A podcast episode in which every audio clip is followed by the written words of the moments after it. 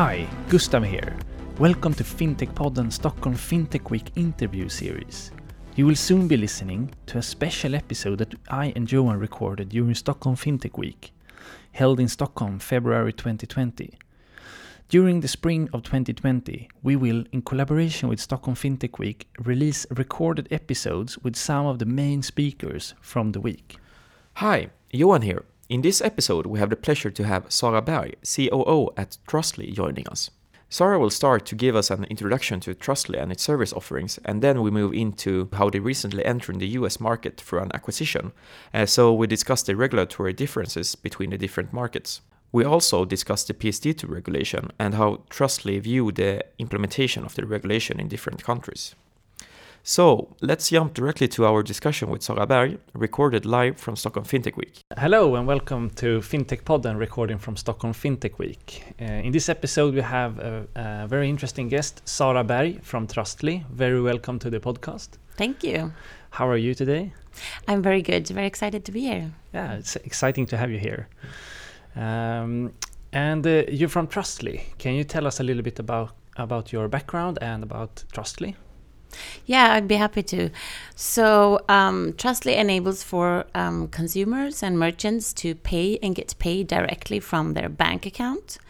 Um, and um, so the we have an offering covering Europe, and now we've also moved into the US, and we're looking to expand also to other geographies. Um, the company is about 10 years old um, and has been um, was started here in Stockholm.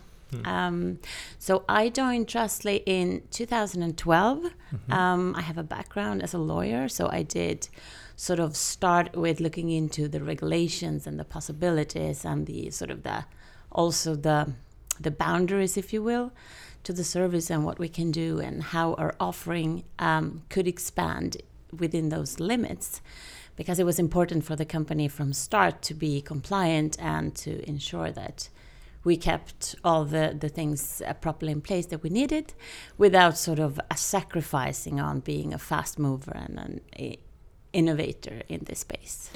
And um, if we look back a little bit, what kind of problem do Trustly solve from the beginning? What was the problem like? Uh... Yeah, so the problem I think was that uh, people couldn't get sort of paid fast enough. Um, I think that there's legacy in the payment system, in the in the sort of the the batch functionality of the traditional banking industry, which is that you can only sort of settle um, a couple of times a day, or maybe that is increasing now, but but at that time. So this was a way to sort of circumvent the traditional clearing system mm. that sort of put a limit on the on the possibilities to transfer money quickly. Yeah. And now it's like instant with your service instead of waiting for half a day or a full day. Yeah, so in most cases it's instant, mm. right? Uh, in some cases you'll have to wait a couple of hours, but but we're working on improving that functionality all the time. All right, uh, looking into the payments industry, it's happening a lot these days. It's almost hard to to follow everything that happens. But um, what do you think about pay current payment trends? Um, so one thing we've noticed um, is the the emerging or the the very rapidly growing sector, which is sort of the buy now, pay later. Mm. Um, and it's been sort of debated in Sweden, and uh, there's a legislation coming out uh, probably in July saying that the first option or pre selected option for consumers should not be credit. Mm -hmm. Because there's been uh, in Sweden as well as it's been sort of noticed in the UK and Australia, and I think there's a lot of other examples that. Um, consumers aren't really aware and it's increasing the amount of, of consumers ending up in, in sort of a bad debt situation. Uh, and I think there was a number saying that something along the lines of 40% of the consumers in UK ended up with worse credit scores because they sort of ended up uh, in a situation where, where they would not have been if they would have paid with funds they have. So, and this is something that we try to push for as well that while, when using your bank account to pay, you're paying with funds you, you actually have. Uh, there's no element of credit in that sense.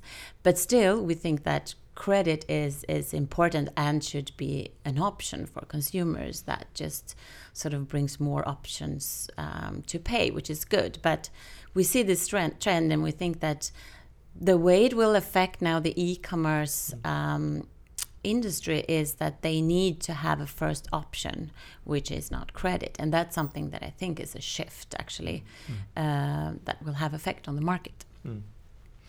And what if we look at what type of customers do you have? Like, what is your what are your main customers today, and what type of customers do you want in the future? Maybe do you have specific initiatives for smaller fintechs, for example? So we work a lot with um, various verticals. So uh, we don't we're, we're vertical agnostic, if you will. So, uh, but we work, for instance, with um, Avanza, Nordnet, and other players um, in the in the sort of banking industry um, to make payments quick in and out for them mm. uh, because they are still dependent on the, the clearing and settlement system of the traditional banks. Mm. So this is a, an area which we are exploring more and more and think is is really interesting. Also supporting fintechs um, that are innovating and building um, new stuff is interesting for us. And you said you're active in Europe and now US as well. Uh, from your perspective, what would you say is the main difference uh, regulation-wise uh, in the different markets? So Europe is very fortunate in that way that we have the EU directives that covers the whole of, of EU, obviously. So when you're licensed in one country, you can passport that license to be able to operate across Europe.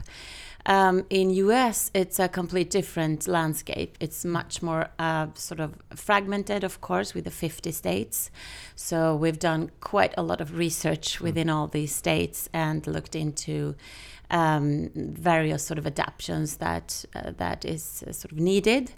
Um, so that's um, that's something that clearly um, sort of uh, differentiate mm. Europe from US in, in that sense. Do we see any trend in the US to adopt similar to PSD2 here in Europe? Uh, so in US, there's been a lot of um, real time systems, if you will, put in place. So that is more the, the underlying bank infrastructure. So there's work being done on how to move funds faster, um, which the banks are adopting to uh, at a quick pace. So we can see similar initiatives on that sort of, sort of, if you will, clearing bank layer. Mm. Um, and of course, there's a lot of interesting new payment method also uh, facilitating on that. And what is your current status now in the US? You, you recently moved over there, right? Yes, so we did it by acquiring a company actually this summer. So we did look into US for for a, a year or so from various angles, uh, but uh, we found a perfect match in in these partners that we have now. They're they're sort of well experienced people who's been in the industry for 20 years. They know sort of the do's and don'ts, which is, which is extremely important and helpful. So they are uh, pushing ahead, and we're supporting and trying to make our offering then uh, combined. Interesting. And, and uh, expanding into US, what have you learned so far? Do you have any advices or recommendations to other fintechs? Yeah, sure. So um, we haven't. So it's just six. We were just six months in, but uh, so far we learned a lot. Of course, about culture. Mm. I don't think it could be said um, enough that wherever you go, you need to sort of adapt and listen in and be humble to the local culture and the, the way things work. Um, we've learned that also in Europe, mm. even if we think we're sort of um, uh, very united. It's, it's large differences uh, between southern parts and the eastern and, and, and Nordics. Mm. So it's the same, I think, in, in the US. It also deviates. Um, um, a lot from from different areas and different groups of people, and um, so we have to be sort of. It's important also to keep everyone aligned in the company. We have now employees in the U.S. and in Sweden. How are we going to work together, sort of, mm -hmm. in a structured and effective way? Um, So, what would you say is the biggest challenge that you're facing at the moment? Is it like expansion, recruitment, regulations? Oh, um, I would say at the moment we're we're growing at a very sort of rapid pace, which is of course fantastic, and we're super happy about that. It also comes with challenges of I just touch upon it actually keeping everyone sort of aligned, everyone running in the same direction. We're close to 400 employees now, and um, sort of we need to maintain that feeling of that what we're doing is innovative and we're fast movers and we want to be able to give people room to grow and take own initiatives and uh, when you get sort of larger this becomes a bit more complex when when you're when you're sort of fewer people mm. So i think that um, from a regulatory perspective, we can see that some member states in Europe have um, adapted slight deviated versions of legislation that is supposed to be sort of um, uh, unite for mm. Europe. For instance, they interpret a directive differently um, than the um, and than other member states, and that could sort of become an obstacle not not for us alone, but for the whole sort of fintech industry if you have to adapt locally. Yeah, and um, and talking about PSD two, how, how has that impacted your uh, your industry? It was sort of in the beginning, in the first years um, when we were were doing what we're doing, since because since we've done it since um, since I mean 2010. Um, the regulation has helped us a lot in pushing through and in you know establishing the framework that third party providers, as we are also then called, are able to use the existing bank infrastructure to you know bring more competition, more better payment services to consumers. That was the ultimate goal. So that has definitely sort of helped us and pushed us uh, through because we had struggles with banks not sort of approving and disliking and questioning whether what we did was actually sort of within the legal framework. Mm. Um, so that has actually helped us a lot. Um, then now we are sort of a few years into the legislation and we we are still in a way fighting because of different interpretations by by by the banks and since there's no standard API uh, so there's uh, different geographies different banks um, issuing sort of deviations in the API so it's not um, an obstacle per se, mm. but it's it's not as an easy ride as one mm. first mm. would have thought. Yeah, we have heard uh, things about yeah. the PSD2 regulation that it's many banks in the Europe interpret it differently. Many standards, but then they have sub-standards within the standards, and especially for smaller fintech players, it's very hard for them to keep the ongoing process of always be updated with the latest versions and so on. Uh, would you say that there are some uh, what what in your opinion what are the biggest misconceptions about PSD2? I think I would say that in my experience one one misconception is the fact that it will be one API they will all work the same mm. um, on nation nation level or even bank level and that the sort of the fragmentation in this area and the various levels um, makes it really complicated. And I think it, it, it becomes um, a heavy investment mm. to, to make this work and to integrate all the APIs, which was not the intention. Mm. The intention was to bring more competition and being sort of uh, a facilitator for innovation based upon the APIs. But do you do the integration by yourself or you use a third party provider? We do the integrations ourselves. Mm. Um, and, and so we've done a lot of testing as well. Um, we we do test all the APIs that comes out, and we've seen various quality. Mm. Um, so not all APIs are up to the standards they should be. Uh, by the but because there's this regulatory technical standards um, and the API should actually have also the the level it should be equal to when a consumer enters his or her online bank and make mm. a payment and that is far from the case in many of the APIs. Um, and we know uh, we're working closely, we're informing the banks and trying to be very, very clear and transparent about what is not functioning because we would like this to be Hmm. to be working as well, of course. But um, what happens then is that we are allowed then to use the fallback option, which is the direct access uh, functionality. So for us, this isn't per se a problem as it is for aggregators and others who are sort of just reliant and dependent on the API. Hmm. So we have both functionalities in place, which is a, sort of um, extremely helpful for us. Yeah. And uh, we have now had like PSD one, it became PSD two. Do you do you believe that there will be a, a need for a PSD three and even beyond that maybe? Yeah, I think this space is um, there's happening so much so fast. So I think, as always, if you look at legal versus uh, uh, technical development, legal development versus technical development, the technical development is of course way ahead.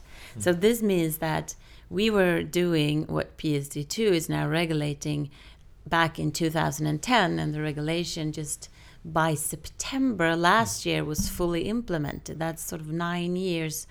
So now I definitely think that there will be something else, but but I think legislature and regulators has to move faster. Um, And if we look at the PSD2 regulation specific, do you use both part of the PSD2 regulations, both to like get account information and then also initiate payments? I- yes, uh, yes, we do. We're, we're mostly focused on the payment initiation Mm. uh, part. That's our core service and what we do. So I must say we have still very much to develop on the on the account information side, and we're fully fully focused on payments. And uh, looking forward, what, what can we expect from from Trustly in, in 2020? Oh, I think and hope that you will see more of us. Um, we're now, um, we have been so focused um, on developing and, and doing great payments. So we have not been that extrovert, if you will. Um, we haven't um, uh, done lots of marketing. There's a lot of people comes up to me and, and my colleagues and say, we never hear about you. We never see about you. So we need to definitely uh, push more on that side. We're also working on our sort of technology to adopt even new technology possibilities that's out there um, in order to scale and be able to move quicker. So when we now also we're looking outside of of Europe and US, this is also crucial to be able to go to several markets in parallel, just not doing it s- sort of um, part by part. Hmm. And if we look at uh, Stockholm FinTech Week, how does your participation look like? Um, well, so I'm here. We're super happy about that, um, and I will take part in a panel later this um, today, Mhm. talking about open banking and PSD2. And um, then on Friday, we will um, be part of a discussion around UX and security Mm. um, with Signicat, who has uh, a fantastic um, EID solution. Uh, but yeah, we I think we could round up this discussion. It has been really interesting listening to you and discuss these topics. Uh, if our listeners want to find out more about your services or maybe get in touch with you, where can they find that information? Um, so just please go to our LinkedIn page uh, or sort of trustly.com. Hmm. Um, yeah. Cool. It's been really interesting to have you here in the podcast. Uh, thank you for coming and, and talking. And um, yeah, we will probably listening to you at the, at the panel debate later, which will be really interesting. good. Thank you very much for having me. Thank you. Thank you. Bye Bye. bye.